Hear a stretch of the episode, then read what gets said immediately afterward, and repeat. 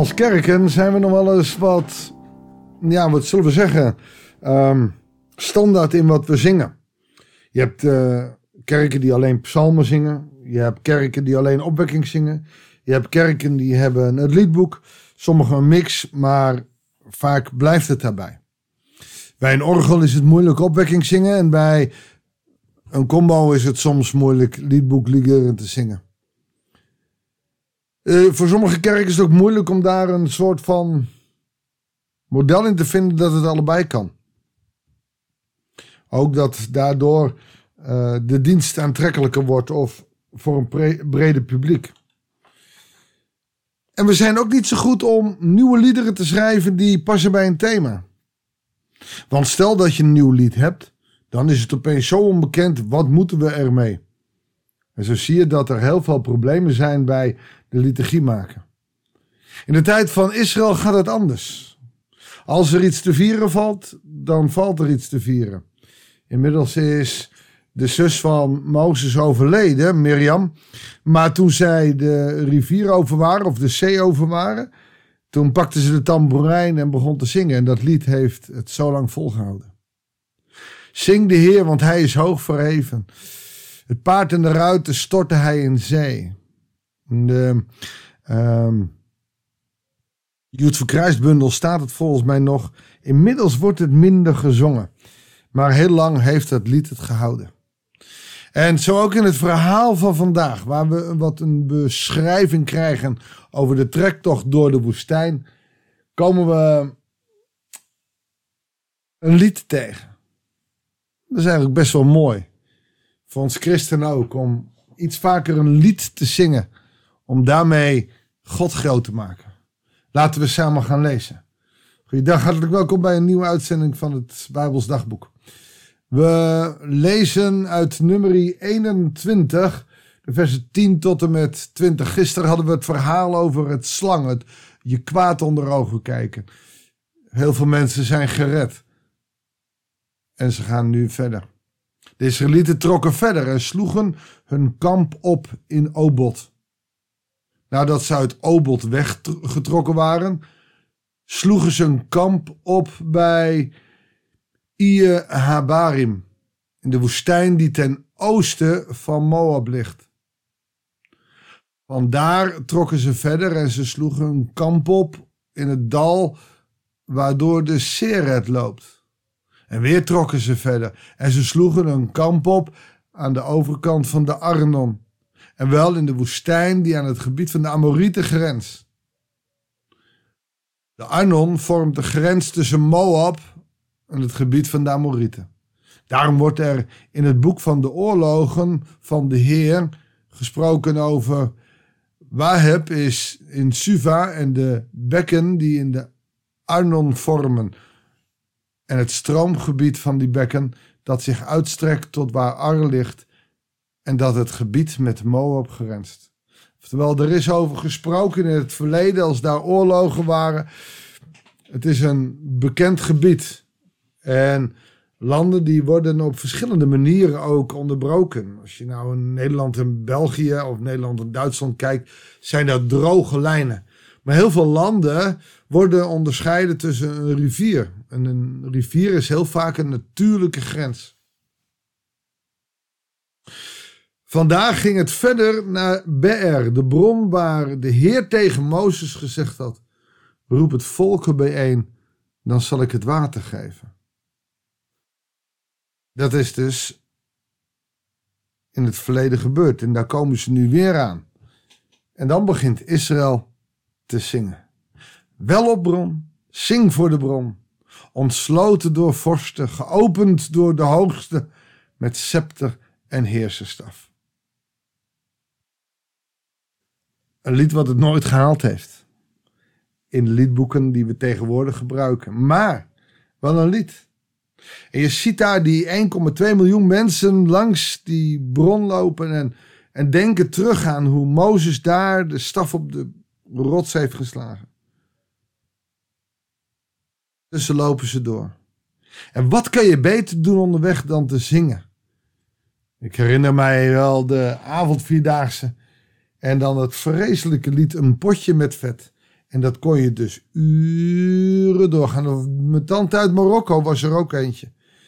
Op, op een gegeven ogenblik heb je daar niks meer mee. Maar zingen helpt. Marsliederen uh, helpen om een bepaald ritme te krijgen. En zo zijn er ook in Israël heel veel liederen op weg naar Jeruzalem, op weg naar en tijdens de reis. Pelgrimsliederen. Want pelgrims zijn mensen die onderweg zijn. En het volk hier is een pelgrimsvolk op weg naar het beloofde land. Ze moeten eromheen, ze kunnen niet overal doorheen. En ze zingen een lied. Een lied op de bron waar water uitkwam, wat leven gaf.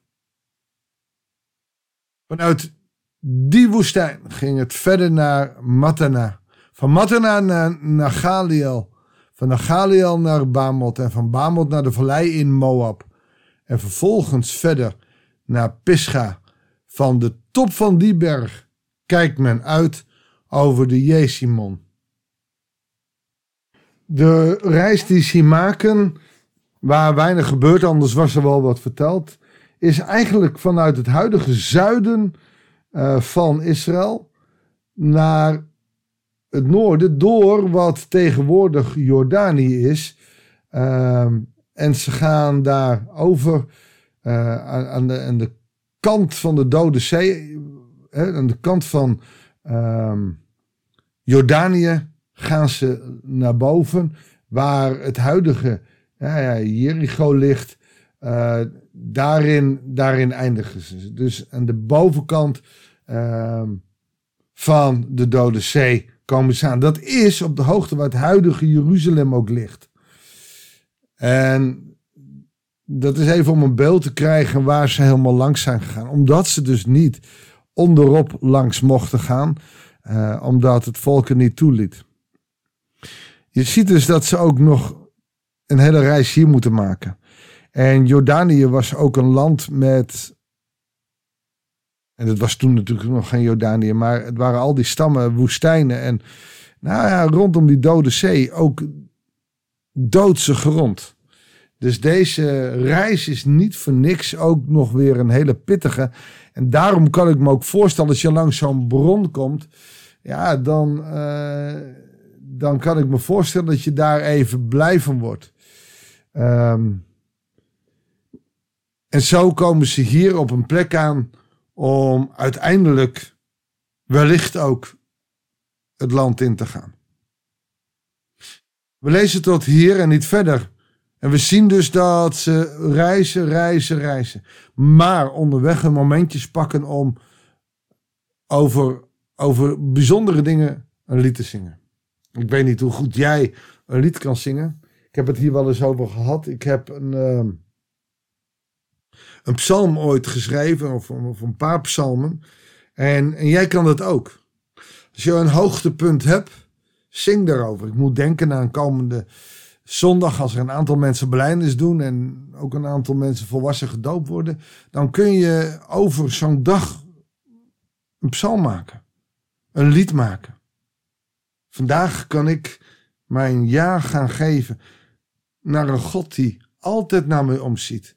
Vandaag mag ik als nietig mens mijn ja volmondig geven aan een God die mij nooit in de steek zal laten. Nou, het ruimt allemaal niet, maar het is wel een soort van psalm. Noem maar op en dat kun jij ook. Laten we het, het leven meer vieren met momenten waarin we God betrekken en God ook alle eer geven over dat wat we doen. Voor nu laten we God dan maar gewoon loven en prijzen in onze gebeden. Want Vader in de hemel, zoals u het volk Israël door de woestijn heeft gebracht, ook al was u wel eens boos, u was toch altijd weer die grote leider in die wolk, in die vuurkolom. U was altijd zichtbaar, u was er altijd bij. Heer, en zo bent u. Ook al zien wij u niet ook zichtbaar in ons leven door de bijzondere dingen die we tegenkomen. Heer, leer ons met ons hart ook te zien wat, wat momenten zijn waarin u ons leidt. Waarin we iets van uw hand mogen ontdekken. Heer, we worden daar wat blind voor omdat, omdat alles zo toevallig is of normaal. Maar uw ingrijpen is nooit normaal. wilt u onze ogen daarvoor openen, zodat we daarvanuit onze getuigenissen mogen brengen. Want Heer, door getuigenissen over u komen meer mensen tot geloof dan de menig preek. Heer, wilt u zo mensenharten raken? Wilt u christenen gebruiken, ook de luisteraars van deze podcast, om te getuigen van wat ze meemaken van u in hun leven?